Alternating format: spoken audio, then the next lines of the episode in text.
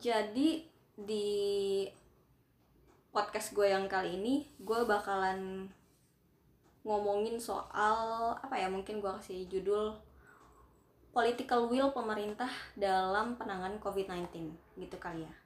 Dan kayaknya sebagian besar apa yang bakalan gue sampaikan sebagian besar dari paparan gue kali ini tuh bakalan isinya kritik terhadap pemerintah sih. Jadi buat kalian yang mungkin uh, agak sensitif sama bahasan politik atau nggak terlalu suka sama apa namanya sama isi uh, sama uh, kritik gitu terhadap pemerintah gitu.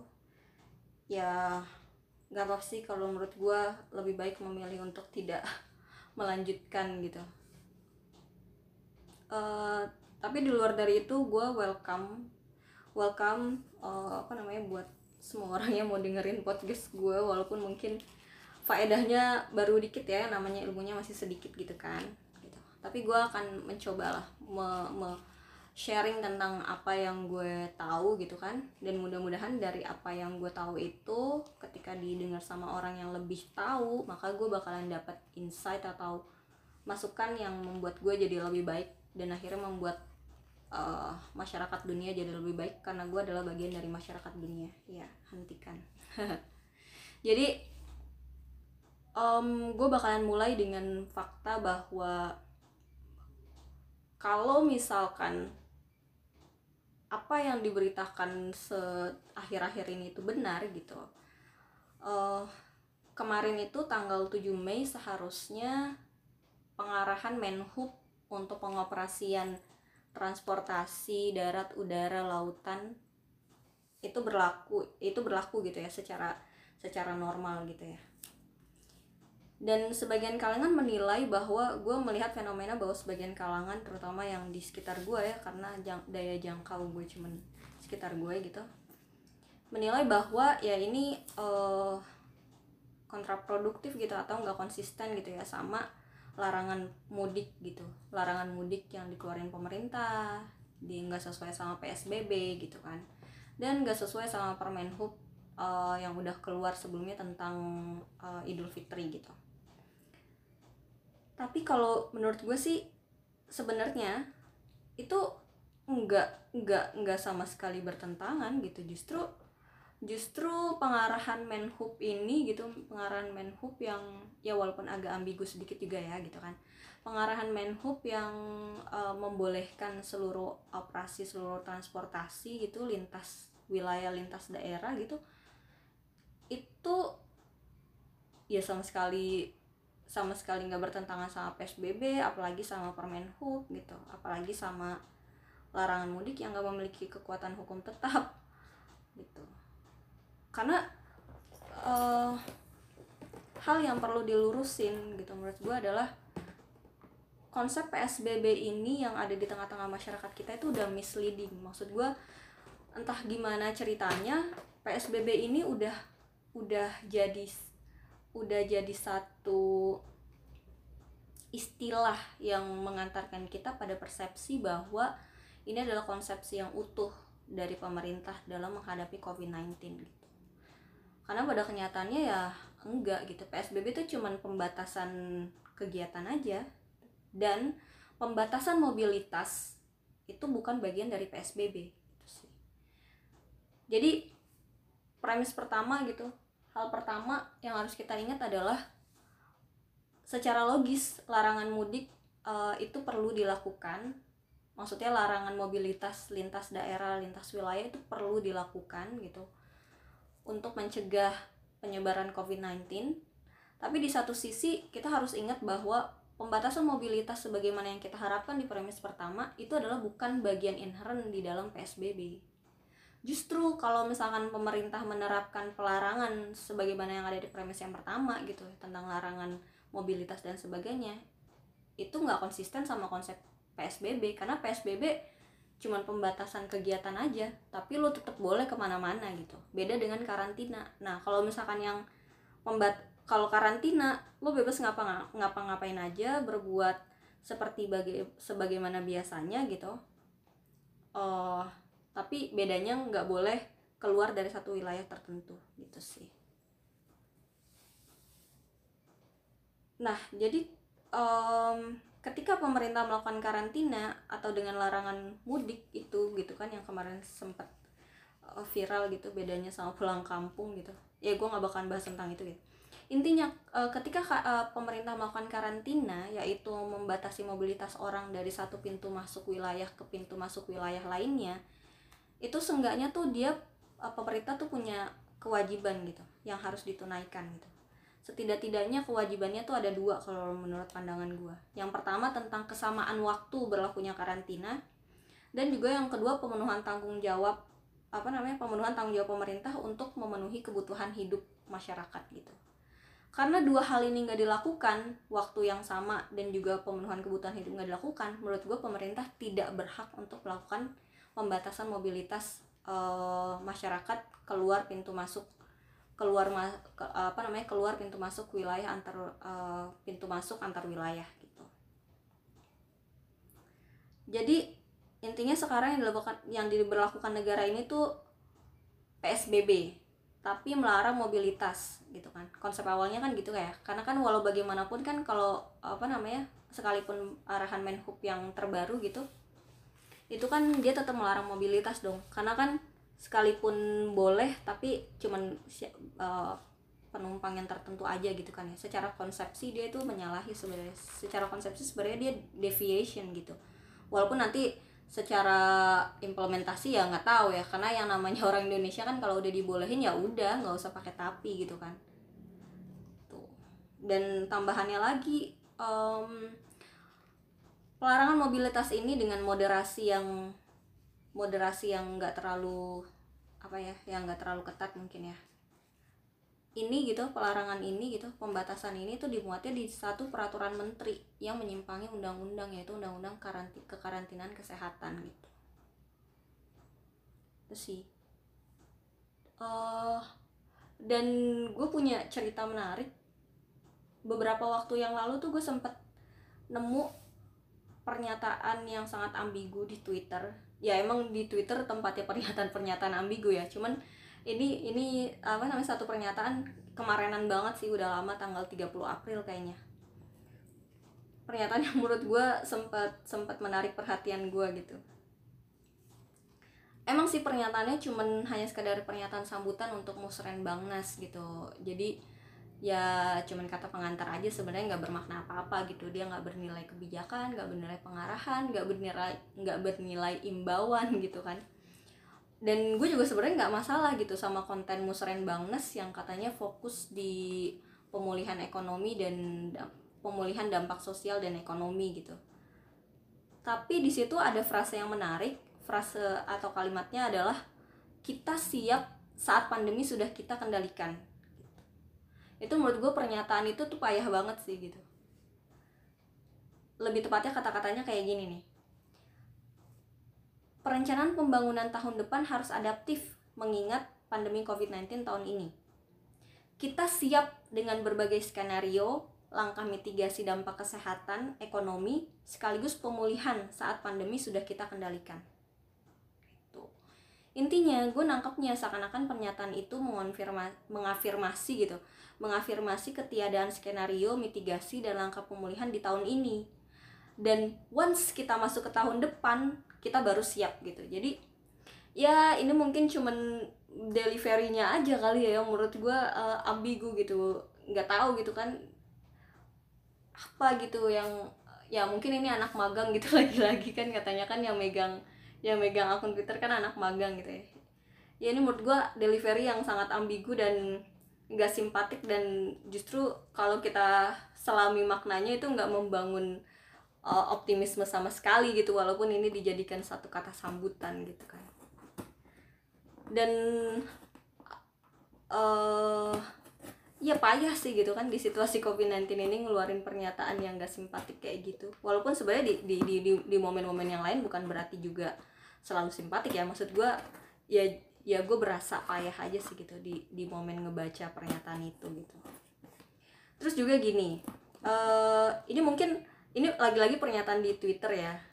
Pernyataan di Twitter tapi kalau menurut gue ini setengah formal sih seharusnya karena ada ininya kan ada apa namanya ada implikasinya ya ada implikasi komitmen komitmen politiknya gitu komitmen politik terhadap satu hal konkret gitu satu hal yang spesifik gitu.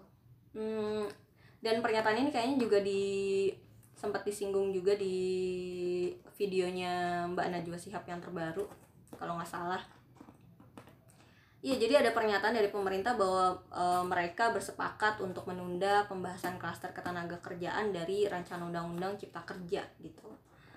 Dan e, bukan karena COVID-19 atau karena apa, tapi katanya supaya ada lebih banyak waktu untuk melibatkan stakeholder dan juga untuk mendalami substansinya gitu. Iya sih, intinya honestly gue heran gitu sama sikap pemerintah yang masih sangat concern dengan RUU Cipta Kerja ini di situasi COVID-19 yang kayak gini gitu. Padahal ya udah jelas-jelas gitu. RUU Cipta Kerja tuh demi investasi gitu itu menumbalkan perlindungan sumber daya alam, menumbalkan tenaga kerja gitu.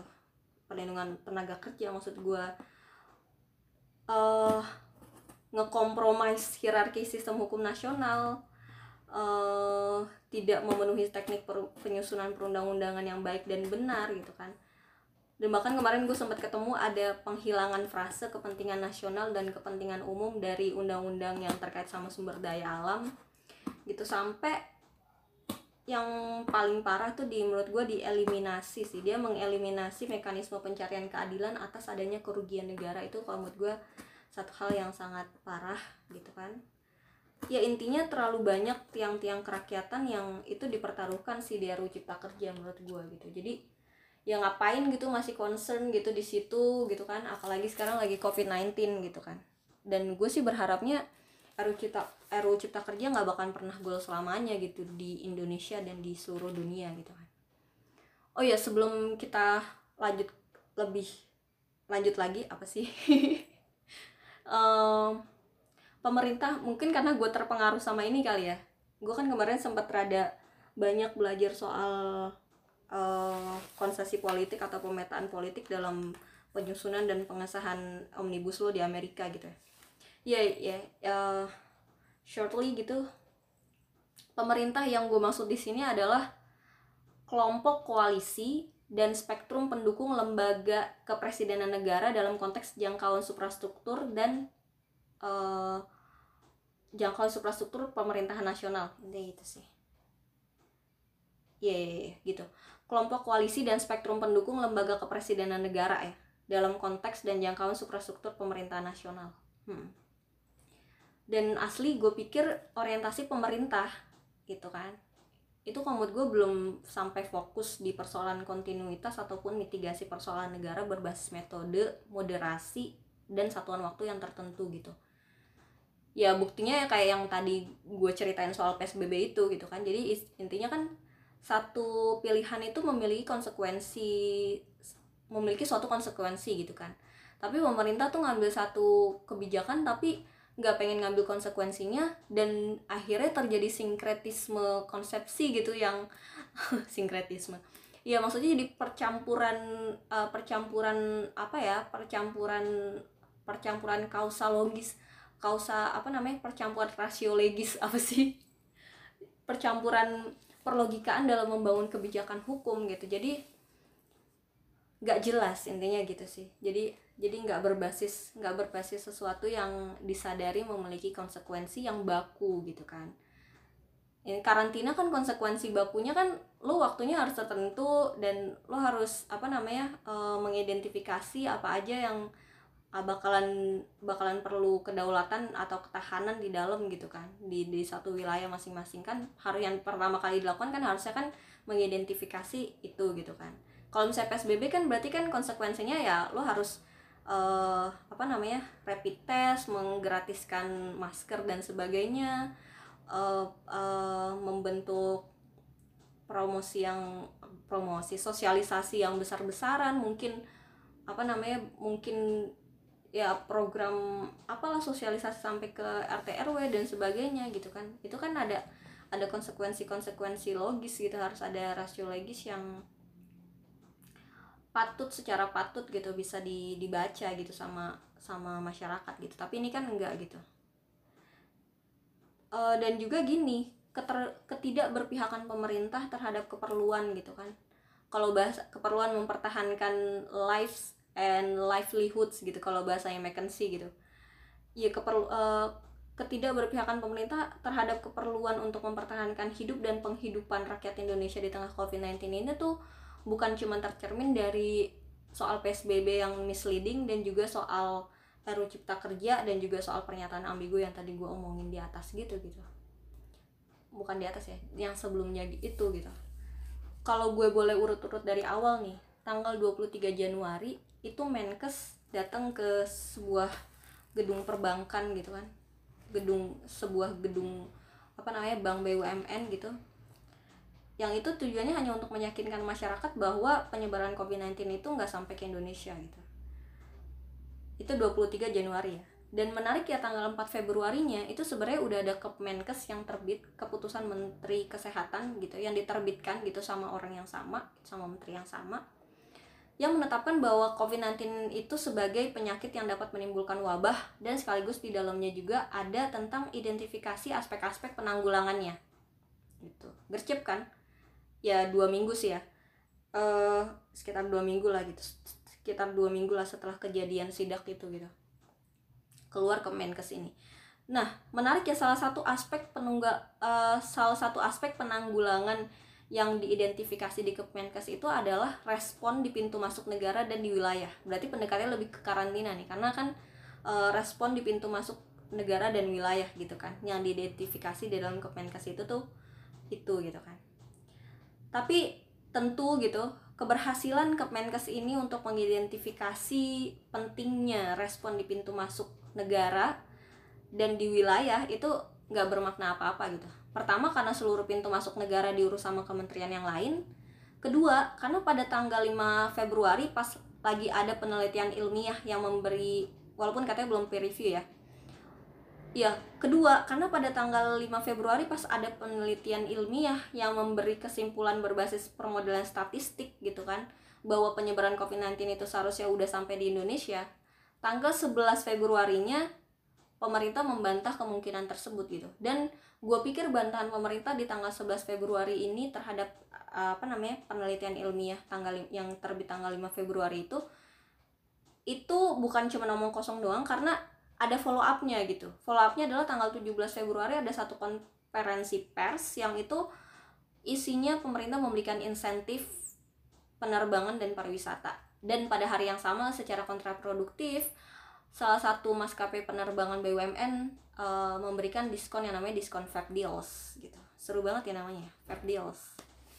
Dan dalam ekstrapolasi gue yang sederhana dan mungkin mewakili penalaran masyarakat secara umum juga secara logis pernyataan dan ketidakbijakan pemerintah ini tuh terejawantahkan di tanggal 25 Februari. Jadi tanggal 25 Februari uh, berapa tuh? 8 hari setelah tanggal 17 Februari itu BPS merilis data lonjakan volume volume ekspor masker sepanjang Februari dan Januari.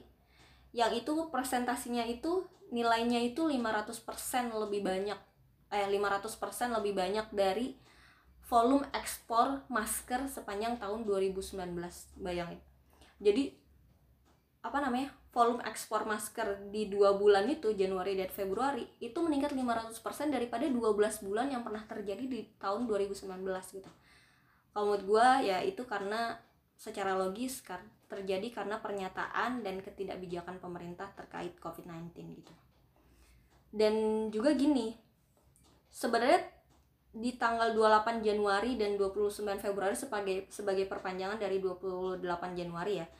Si BNPB si BNPB maksud gue BNPB itu udah BNPB capek banget loh gue ngelihatnya kesian lo BNPB ya BNPB itu udah nerbitin keputusan tentang COVID-19 sebagai keadaan darurat tertentu gitu. Jadi BNPB itu tanggal 28 Januari dan 29 Februari itu udah udah ngeluarin keputusan itu gitu kan. E, bahwa COVID-19 tuh keadaan darurat tertentu gitu klasifikasinya gitu. Tapi orientasinya emang bukan sampai menjangkau situasi keterbutuh uh, situasi butuh pembatasan sosial kayak yang kita kenal sekarang PSBB ataupun karantina gitu. Jadi belum sampai ke situ gitu mikirnya. Itu cuman hanya melainkan gitu kan dua keputusan itu maksud gue satu keputusan yang diperpanjang itu itu cuman hanya untuk ya orientasinya untuk mengadakan uh, pengalokasian gitu dan juga uh, pelaksanaan proyek gitu pelaksanaan kegiatan gitu untuk menjemput WNI yang di Wuhan WNI yang menjadi ABK di Diamond Princess dan WNI yang menjadi ABK di uh, World Dream ya. Uh, ya gitu.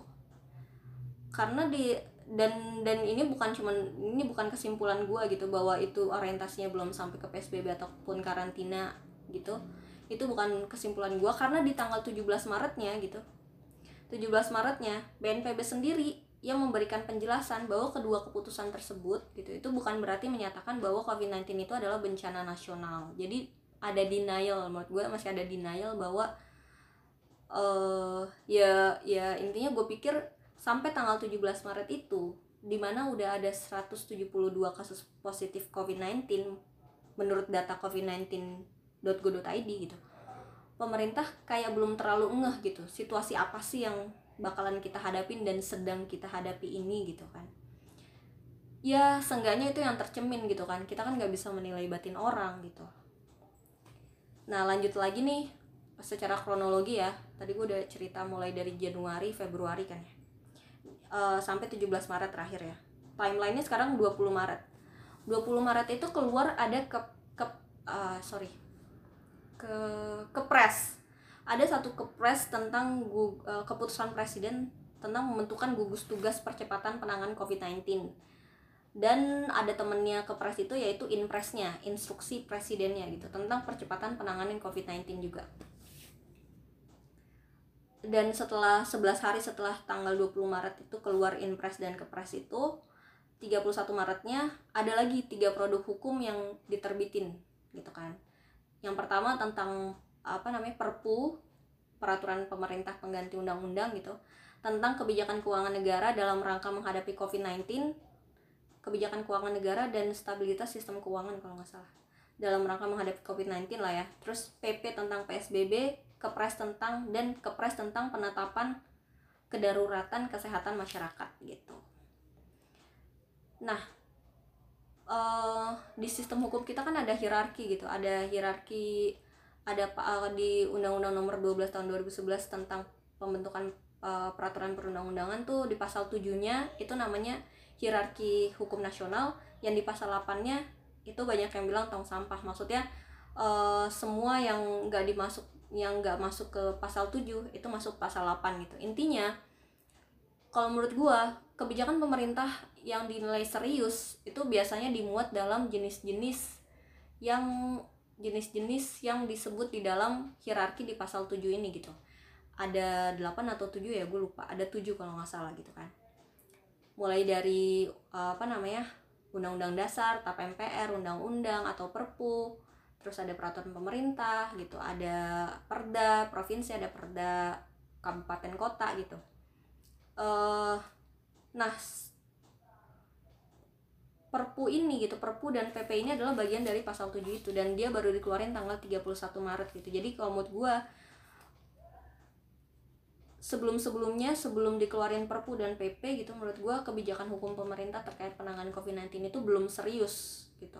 Karena karena ya jenisnya masih ada di luar dari pasal 7 gitu ya masih dimuat di Kepmenkes masih dimuat di Inpres di uh, apa namanya tadi Kepres gitu. Itu masih masih masih belum serius gitu. Nah pas keluar PP dan per, uh, Perpu menurut gue tuh baru serius menurut gue dan juga artinya lagi-lagi nih menurut gue gitu penalaran pemerintah atas pentingnya instrumentasi hukum yang solid gitu dalam penanganan COVID-19 itu menurut gue intinya baru ada di tanggal 31 Maret itu.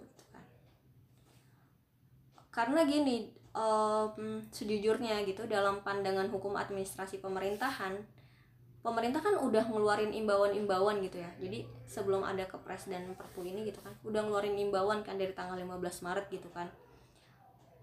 Uh, untuk belajar di rumah eh, beribadah di rumah untuk bekerja di rumah gitu kan. Itu menurut gue justru itu menunjukkan political will yang nggak baik. Karena kan imbauan itu bukan suatu instrumentasi hukum gitu itu bukan hal yang jadi kewajiban pemerintah gitu. Maksudnya ya pemerintah yang memang harus mengayomi masyarakat ya gitu. Bukan berarti gue istilahnya melarang pemerintah untuk melakukan imbauan-imbauan yang penting dalam kehidupan bernegara dan berbangsa ini tidak gitu. Cuman uh, dalam situasi COVID-19 kayak sekarang yang membutuhkan satu instrumentasi hukum yang solid kayak yang gue bilang tadi imbauan yang keluar itu justru menunjukkan political will yang tidak baik. Karena apa? Karena ya imbauan itu nggak punya kekuatan eksekutorial yang mengikat baik terhadap pemerintah maupun bagi warga negara. Intinya kalau imbauan itu salah kita nggak bisa gugat. Kalau imbauan itu istilahnya nggak apa namanya uh, ternyata korup juga kita nggak bisa nggak bisa melakukan apa-apa gitu. Artinya itu itu itu nggak nggak nggak serius dan menunjukkan political will yang nggak baik gitu kalau dalam sudut pandang hukum administrasi pemerintah. Tapi gue anehnya pemerintah uh, eh, rakyat kita uh, wajar-wajar aja gitu ya. Maksudnya kayak bahagia-bahagia aja gitu dapat imbauan dapat anjuran gitu. Dan dengan bangganya ngomong eh ayo kita ikutin anjuran pemerintah gitu. Itu menurut gue lucu banget sih gitu. Karena ya ngapain gitu ikut anjuran pemerintah gitu? Ikut tuh ya peraturan pemerintah. Ya pemerintah itu ngatur gitu bukan menganjurkan gitu. Karena kalau anjuran kan nggak bisa dipertanggungjawabkan gitu kan. Dan pemerintah harus senantiasa bertanggung jawab gitu uh, ya dan bahkan sampai tanggal 20 Maret yang pas pertama kali keluar impres itu gitu kan impres tentang apa namanya konsep-konsep penanganan COVID-19 gitu ref, uh, refu, refocusing kegiatan gitu realokasi anggaran dan sebagainya gitu. Itu nggak ada gue lihat sama sekali yang terkait sama imbauan gitu. Jadi nggak ada nggak terkait sama program sosialisasi atau program imbauan gitu. Jadi ya dari mana gitu dasar dasar programnya gitu kan. Mungkin karena perkembangan penggunaan sosial media yang cenderung informal juga kali ya. Jadi ini juga mungkin secara kejiwaan gitu secara psikologis gitu. Eh so tau banget gue gue nggak ngerti ya. Maksudnya mungkin gitu kan. Jadi pemerintah merasa lebih casual aja gitu sama rakyatnya gitu kan. Ya, siapa tahu gitu kan. Tapi ya oke okay lah gitu kan. Akhirnya tanggal 31 Maret itu gue agak sedikit sudah bernafas lega karena gue pikir oh oke okay, akhirnya ngeluarin produk hukum yang secara proper gitu kan yang proper gitu untuk diterbitkan gitu kan. Dan emang uh, pada saat itu gue pikir ya lebih baik ada dasar hukum daripada nggak ada dasar hukum gitu kan gitu kan walaupun terlambat. Tapi kebelakangan ternyata setelah gue cermati lagi gitu justru banyak banget offside ya nggak tahu nih bahasa siapa nih bahasa adik gue kali ya offside yang dilakukan sama pemerintah gitu offside yang dimuat bukan dilakukan sama pemerintah maksudnya offside ya kita melihat ini sebagai satu benda mati aja lah ya gitu ya. Offside yang dimuat di dalam produk-produk hukum terkait COVID-19 itu gitu. Jadi pasca 31 Maret itu produk-produk hukumnya menurut gue justru banyak mengandung offside terhadap apa namanya rule of law terhadap uh, terhadap batas-batas terhadap batas-batas uh, kewajaran yang seharusnya secara secara apa ya secara mendasar itu dijaga gitu kan gitu kan. Gue bakalan ngomongin beberapa aja mungkin yang singkat gue dan dan kayaknya itu juga udah banyak sih ya. Yang pertama tuh soal Perpu nomor 1 tahun 2020 di sini gue dapet ada dua ada dua offside sih yang paling utama gitu kan. Perpu nomor 1 tahun 2020 ini dikeluarin tanggal 31 Maret yang tadi gue bilang tentang dia isinya tentang kebijakan keuangan negara dan stabilitas sistem keuangan untuk penanganan pandemi COVID-19 gitu kan. Emang komut gue perpu ini mencurigakan sekali gitu. Soalnya ya makanya sampai sekarang kan juga masih itu ya masih diuji gitu di Mahkamah Konstitusi gitu dan gue berharap pemohonnya menang gitu. Salah satu offset pertama yang ada di perpu ini adalah dia mengubah penjelasan undang-undang keuangan negara yang mengatur tentang uh, batas defisit anggaran negara. Kalau menurut gue ya oke-oke aja kalau misalkan mau ngubah materi itu juga nggak apa-apa. Mau ngubah perpu, mau ngubah apa namanya materi undang-undang mana pun ya nggak apa-apa, terserah gitu kan. Tapi ya jangan menyalahi kaidah gitu kan. Karena menyalahi kaidah artinya ya lu punya political will yang diragukan gitu, yang mencurigakan gitu kan kenapa tuh dia apa namanya kenapa tuh dia uh, apa namanya mengubah penjelasan keuangan negara dengan sangat brutal menurut gue gitu kan uh, kalau di angka 135 lampiran 2 uh, undang-undang tentang uh, pembentukan peraturan perundang-undangan itu ada larangan memuat ketentuan peralihan terselubung. Nah, ketentuan peralihan terselubung inilah yang ada di Perpu nomor 1 tahun 2020 tentang keuangan negara dan bla bla bla terhadap pandemi COVID-19 ini gitu. Jadi dia itu mengubah mengubah isi dari undang-undang keuangan negara tanpa menyebutkan bahwa dia mengubah gitu. Jadi dia terselubung gitu. Seharusnya perubahan terhadap undang-undang itu ditulis atau dituangkan di dalam satu undang-undang perubahan gitu. Harusnya yang dibikin adalah perpu tentang perubahan atas undang-undang keuangan negara gitu. Jadi perpu perubahan, perpu perpu tentang perubahan atas gitu. Jadi, jangan jangan bikin perpu tentang hal yang lain tapi terus lu mengubah undang-undang yang lain gitu. Karena ya itu artinya uh, ya terselubung gitu kan. Penelusuran hukumnya jadi nggak jadi nggak beres gitu. Dan seakan-akan orang jadi nggak perlu tahu atau sadar bahwa sebenarnya undang-undang keuangan negara itu udah direvisi berdasarkan si perpu ini gitu kan ya gue berharap uh, eh, MK ngabulin ngabulin permohonan inilah PUU-nya dan selain itu juga gitu si Perpu nomor 1 tahun 2020 ini tuh juga dia menghalangi mekanisme pencarian keadilan atas kerugian negara. Jadi di situ tuh diatur bahwa kerugian negara itu nggak boleh dijadiin objek gugatan pengadilan gitu. Dan apa namanya padahal kerugian negara itu kan unsur utama dari adanya pidana korupsi gitu gue waktu itu pernah bahas ini dikit di uh, IG live nya LKHK dan uh, konsep yang kayak gini gitu. Kita nggak boleh menjadikan keuangan negara itu sebagai satu sebagai satu objek pengadilan gitu. Itu juga dimuat di rancangan undang-undang cipta kerja gitu. Jadi emang kayaknya ibaratnya apa ya ada satu kondektur yang sama nih idenya gitu selain perpu yang tadi itu gitu perpu nomor satu itu gitu kan ada juga yang perpresnya gitu perpres yang dikeluarin pasca 31 Maret itu gitu. Perpres ini perpres nomor 59 tahun 2020 tentang perubahan atas uh, perpres nomor 71 tahun 2015 tentang penetapan dan penyimpanan barang kebutuhan pokok dan barang penting jadi perpres ini tuh peraturan pelaksana dari Undang-Undang Nomor 7 Tahun 2014 tentang perdagangan ya inti dari perpres ini tuh penetapan atas barang-barang dalam perdagangan yang dilindungi persediaan mutu dan harganya oleh pemerintah gitu. Senggangganya adalah 12 uh, eh, upaya yang secara khusus itu dapat dilakukan pemerintah dalam melindungi daftar barang-barang uh, daftar barang-barang pokok dan penting yang ditetapkan di dalam perpres seperti itu gitu kan kayak misalnya meningkatkan dan melindungi produksi barang, mengelola stok, mengelola impor dan ekspor, sampai menyediakan subsidi ongkos angkut gitu. Jadi uh, pas suatu barang tertentu dimasukkan dalam perpres ini gitu kan, uh, dan juga mengacu pada dan mengacu pada undang-undang perdagangan, maka barang-barang ini harus dilindungi gitu, kayak misalnya beras gitu, garam gitu, itu uh, dilindungi kan. Jadi ya walaupun dilindungi juga sebenarnya tetap ada mahal-mahalnya gitu kan ya. Bawang bawang gitu seingat gue bawang juga masuk barang-barang yang dilindungi gitu.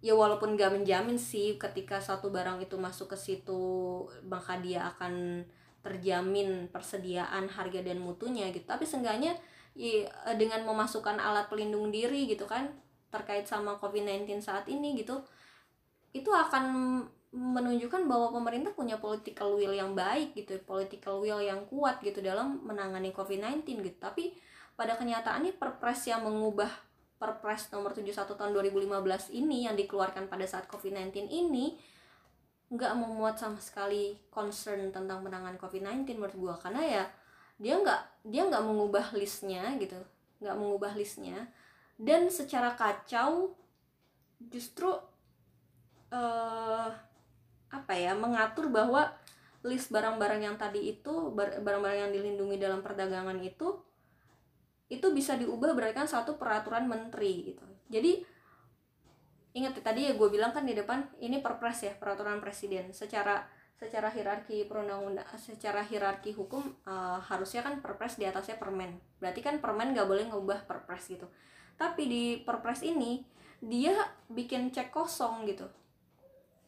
Bikin cek kosong bahwa peraturan menteri bisa mengubah list barang-barang yang dilindungi tadi gitu. Jadi diajak muter nih gitu kan. Kalau menurut gue ini adalah hal yang nggak bisa diterima karena artinya ya peraturan menteri boleh ngubah peraturan presiden yang pertama itu kan. Dan yang kedua isi isi peraturan presiden yang bisa diubah itu menyangkut hajat hajat hidup dan mati kita saat ini gitu kan. Jadi apa namanya uh, ya kalau kita mau menentukan misalnya APD sebagai barang yang dilindungi gitu kan ya artinya kita harus muter ke rapat koordinasi menteri gitu kan. Kenapa nggak sekalian aja waktu ngubah perpresnya itu dimasukin gitu loh maksud gue. Sampai istilahnya mengkompromis apa namanya hierarki hukum nasional gitu kan. Secara tidak rasional gitu menurut gue ini sangat tidak bisa diterima gitu sih. Terus mungkin ini yang terakhir kali ya. Gue udah mulai keringet dingin. Ini uh, Permen Kumham nomor 10 tahun 2020 tentang syarat pemberian asimilasi dan integrasi dalam rangka pencegahan dan penanggulangan uh, eh, COVID-19. Ini mungkin udah agak kalian udah mungkin apa namanya udah isunya udah udah so old gitu ya, nggak tahu ya. Kita bakalan fokus di konsep asimilasi deh. Ini kan ada dua, jadi ini tentang pembebasan narapidana ya. Kalau misalnya masih belum enggak. Jadi uh, Permen Kumham ini peraturan Menteri Hukum dan HAM yang dikeluarin untuk membebaskan napi yang kemarin sempat heboh itu gitu jadi konsep asimilasi ini kenapa gue ambil ya selain karena waktunya terbatas juga gitu kalau menurut gue ini adalah konsep yang paling dibikin blunder di dalam permen kumham ini gitu jadi secara konsep awal asimilasi itu pembauran narapidana ke masyarakat sebagai pembinaan gitu. Jadi uh, narapidana sebelum dikeluari sebelum keluar nih sebelum bebas gitu itu boleh mendapatkan asimilasi itu boleh mendapatkan uh, berhak berhak menjalani program asimilasi di mana dia itu apa namanya dibaurkan di masyarakat gitu kan. Tapi bukan berarti dia udah bebas gitu kan.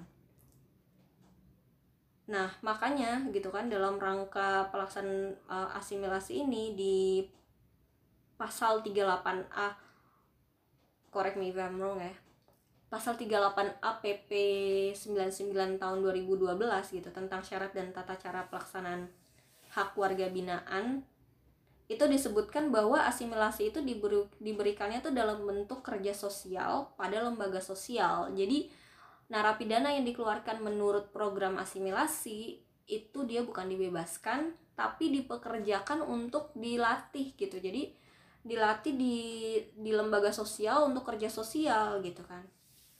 Nah, lagi-lagi hierarki hukum nasional di sini di di apa ya dikompromis lagi gitu kan karena di pasal 2 Permenkumham ini pelaksanaan asimilasi itu bukan di bukan di lembaga sosial lagi gitu tapi di rumah gitu. Nah ini kan menabrak PP yang di atasnya gitu kan.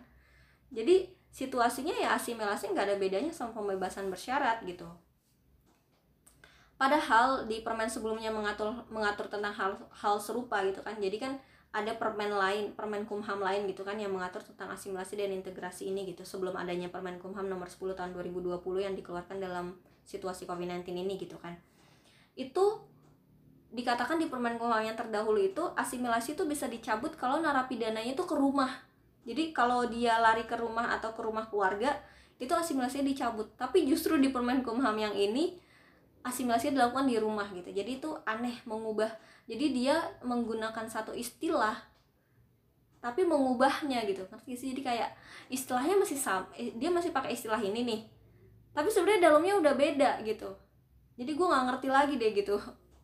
Aneh banget gitu. Harusnya kalau mau ya pakai istilah yang lain gitu supaya lagi-lagi ya selain selain konteks apa namanya penul uh, selain konteks hierarki hukum gitu juga tentang penelusuran hukum gitu kan. Penelusuran hukum tuh penting banget gitu ya karena cuma dari situ doang kita tahu akuntabilitas pengelolaan negara gitu kan. Akuntabilitas mah keuangan ya. Maksudnya uh, transparansi uh, apa namanya keterbukaan gitu kan. Keterbukaan uh, pengelolaan negara ya dari penelusuran hukum sebenarnya gitu. Tapi ini alat alat untuk menel, uh, alat untuk uh, alat untuk um, uh, mencermati aja tuh di di di ya diabaikan kayak gini gitu kan jadi menurut gue syarat dan tata cara asimilasi ini tuh udah dimodifikasi sedemikian rupa. Selain bahwa dia jadi dilakukan di rumah konsepnya diubah bukan di lembaga sosial lagi itu juga yang tadinya harus dilakukan berdasarkan penetapan dirjen diubah jadi boleh uh, apa nih bukan boleh diubah jadi penetapan uh, oleh ketua lapas gitu. Jadi ya direlaksasi ya direlaksasi relaksasi mah ekonomi ya ya di ya diubah lah gitu di, di, di dimudahkan gitu dimudahkan dengan sangat mudah gitu kan tuh kalau udah kayak gini menurut gue ya gimana gitu cara cara pengawasan asimilasi itu gitu kan Secara juga tambahannya Permen Kumham ini lagi-lagi tentang ketentuan peralihan. Permen Kumham ini nggak nggak membuat ketentuan peralihan yang proper gitu. Jadi uh, menyangkut berlakunya Permen Kumham yang tadi gue ceritain yang sebelumnya udah ada itu juga nggak di nggak dilaku nggak nggak nggak nggak diatur gitu. Jadi sebatas apa sih Permen Kumham yang sebelumnya yang nggak memuat uh, konteks COVID-19 itu berlaku gitu kan?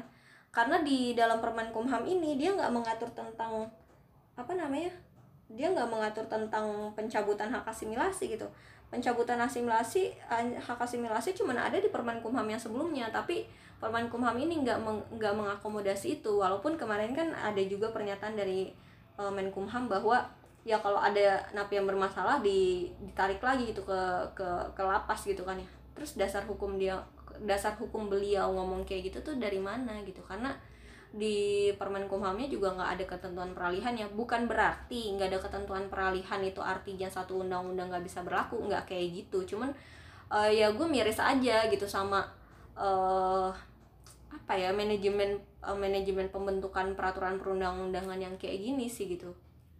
Jadi iya gitu deh.